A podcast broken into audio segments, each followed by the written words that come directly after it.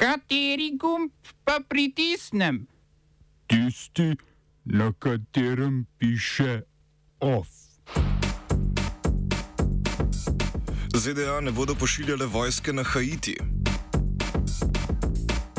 Ladja turške mornarice streljala na ciprsko obaljno stražo. Kitajska uvaja svoj sistem trgovanja z ogličnimi kuponi.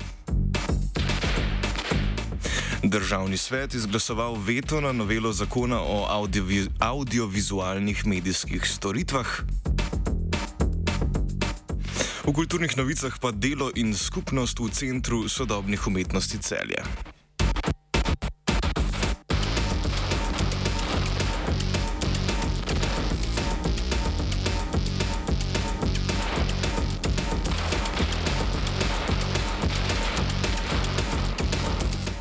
Dobr dan. Kitajska je danes uvedla trgovanje z emisijskimi kuponi za izpuste oglikovega dioksida. Glede na količino izpustov, s katerimi se trguje, je to največja schema trgovanja z emisijami, ne pa tudi glede na kapitalsko vrednost.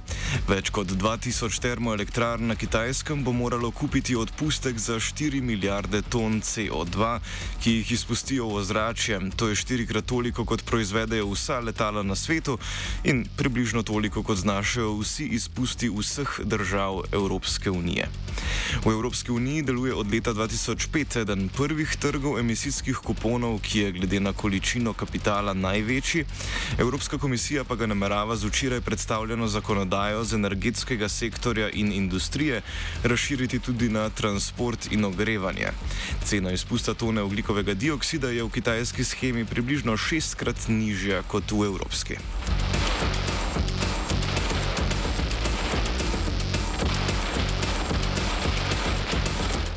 Južnoafriška republika bo na ulice poslala 25 tisoč vojakov ali več kot polovico pripadnikov svoje kopenske vojske. Zato bodo, zato Zato bodo upoklicani tudi rezervisti. Vojska naj bi policiji pomagala umiriti nemire, ki jih več kot en teden potekajo v večjih južnoafriških mestih. V izgredih, ki so večkrat prerasli v ropanje trgovin, je življenje do sedaj izgubilo 117 ljudi. Nemire je sprožila aretacija nekdanjega predsednika Jacoba Zume, ki je bil obsojen na 15-mesečno zaporno kazen zaradi zavračanja sodelovanja s sodiščem v korupcijski preiskavi ki je pred tremi leti povzročila tudi njegov padec z oblasti. Zuma je imel veliko podporo predvsem v etnični manjšini Zulujev, nasilje pa je razkrilo tudi splošno nezadovoljstvo v južnoafriški družbi in rasne napetosti. Gre za najhujše nemire v Južnoafriški republiki po koncu apartheida.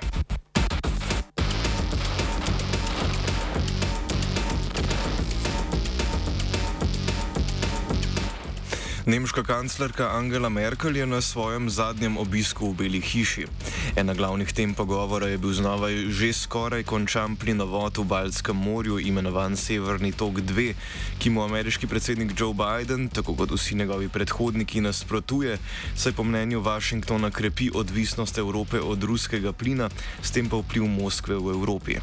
Bidenu kanclerke sicer ni uspelo prepričati, da bi se odpovedala plinovodu iz Rusije, ki se izogne pot poti čez Ukrajino, zato so ZDA obljubile sankcije proti nemškim podjetjem, ki sodelujejo pri projektu.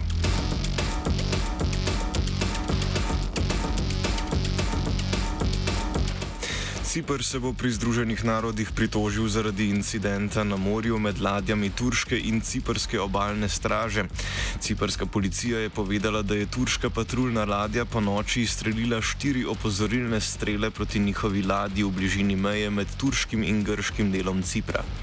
Incident naj bi se zgodil v ciprskih teritorijalnih vodah, ko je ciprska tričlanska posadka videla turško ladjo, naj bi se ji poskusila izogniti in je zavila proti pristanišču na to pa je turška obaljna straža vseeno opozorilno streljala in zapustila območje.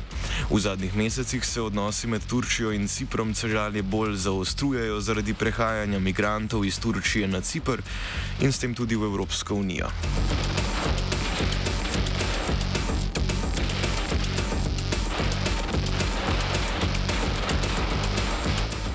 Evropski uniji ni pogodu, da bo Srbija poslala veleposlanika v Sirijo.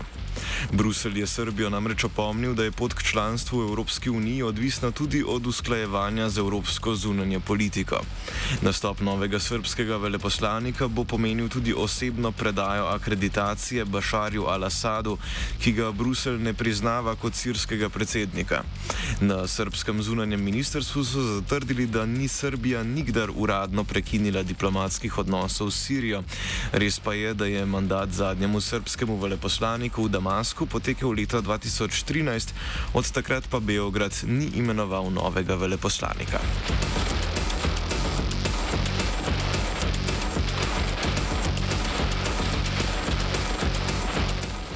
Hrvaška je v julijskem poročilu o kršitvi evropskega prava dobila uraden opomin Bruslja.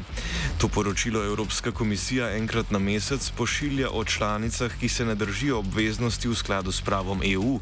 Hrvaška pa je skupaj s Poljsko in Nizozemsko dobila opomin zaradi neupoštevanja delov direktive o radioaktivnih odpadkih in izrabljenem jedrskem gorivu. Direktiva opredeljuje, da morajo države članice nacionalne programe o obravnavanju omenjenih odpadkov izdelati in zagnati do leta 2015. Sloveniji in Hrvaški, ki sta skupaj lasnici jedrske elektrarne Krško, se ni uspelo dogovoriti o skupnem odlagališču jedrskih odpadkov. Slovenija bo svoj del shranila v odlagališču v neposrednji bližini Krške nuklearke, Hrvaška pa svoje odlagališče načrtuje na Trgovski gori v neposrednji bližini meje z Bosno in Hercegovino, ki tem načrtom seveda ostro nasprotuje. Oba, če, bom odgovoril na angliški. Slovenija will try to help.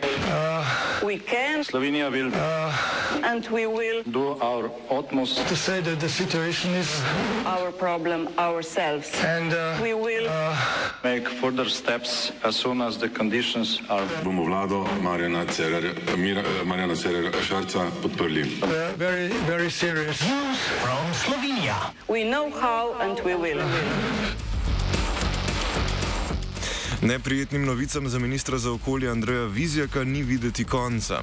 Vrhovno sodišče je zavrnilo pritožbo podjetja Hidroelektrarne na spodnji Savi, ki je s soinvestitorskimi družbami Infra in Ele skušalo izpodbiti zamrznitev izdaje gradbenega dovoljenja za hidroelektrarno Mokrice. To je dosegla tožba Društva za preučevanje rib, ki se je pritožilo na sklep vlade o prevladi javne koristi energetike in s tem pospešitvi pridobivanja gradbenega dovoljenja za hidroelektrarno Mokrice. Več Andreja Slamaršek iz Društva za preučevanje rib. Takrat, ko smo vložili tožbo, smo tudi zahtevali začasno odredbo, eh, da se eh, izvajanje, eh, se pravi, da se nadaljevanje postopka zadrži, da pač ni možno izdati gradbenega dovoljenja. In takrat je upravno sodišče eh, tudi ugodilo naše zahtevi za začasno odredbo. Se pa je investitor, se pravi hidroelektrarne na spodnje Savi in pa seveda uh, Infra in Eles, uh, so vložili pritožbo na upravno sodišče, da se ne strinjajo z tem začasnim zadržanjem, pač da bi šli naprej za izdajo gradbeno dovoljenje. In uh, seveda je vrhovno sodišče zdaj končno odločilo, uh, da se v bistvu zadrži in da gradbenega dovoljenja za hidroelektrarne Mokrice ni možno izdati, dokler ne bo razsojeno v primeru prevlade drugega javnega interesa za hidroelektrarno Mokrice. Gre pa za prevlado uh, interesa energetike nad ohranjanjem narave, se pravi za uničenje uh, sotočja Krke in Save. Premijer Janez Janša je napovedal, da bo Slovenija v drugi polovici avgusta ukinila možnost brezplačnega testiranja na novi koronavirus.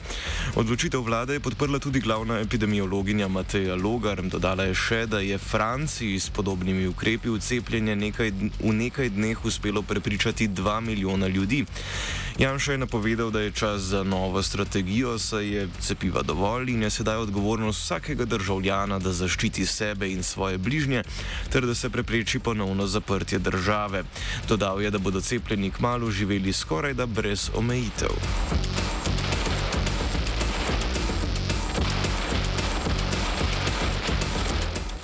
Državni svet je na današnji izredni seji izglasoval veto na novelo zakona o audiovizualnih medijskih storitvah.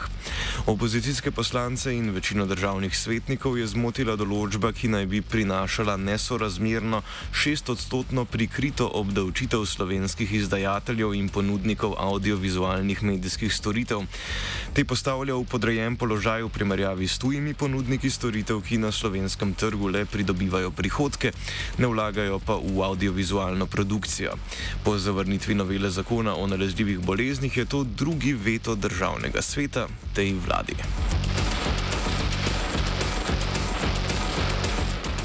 Ovsta pripravila Anja in Gal.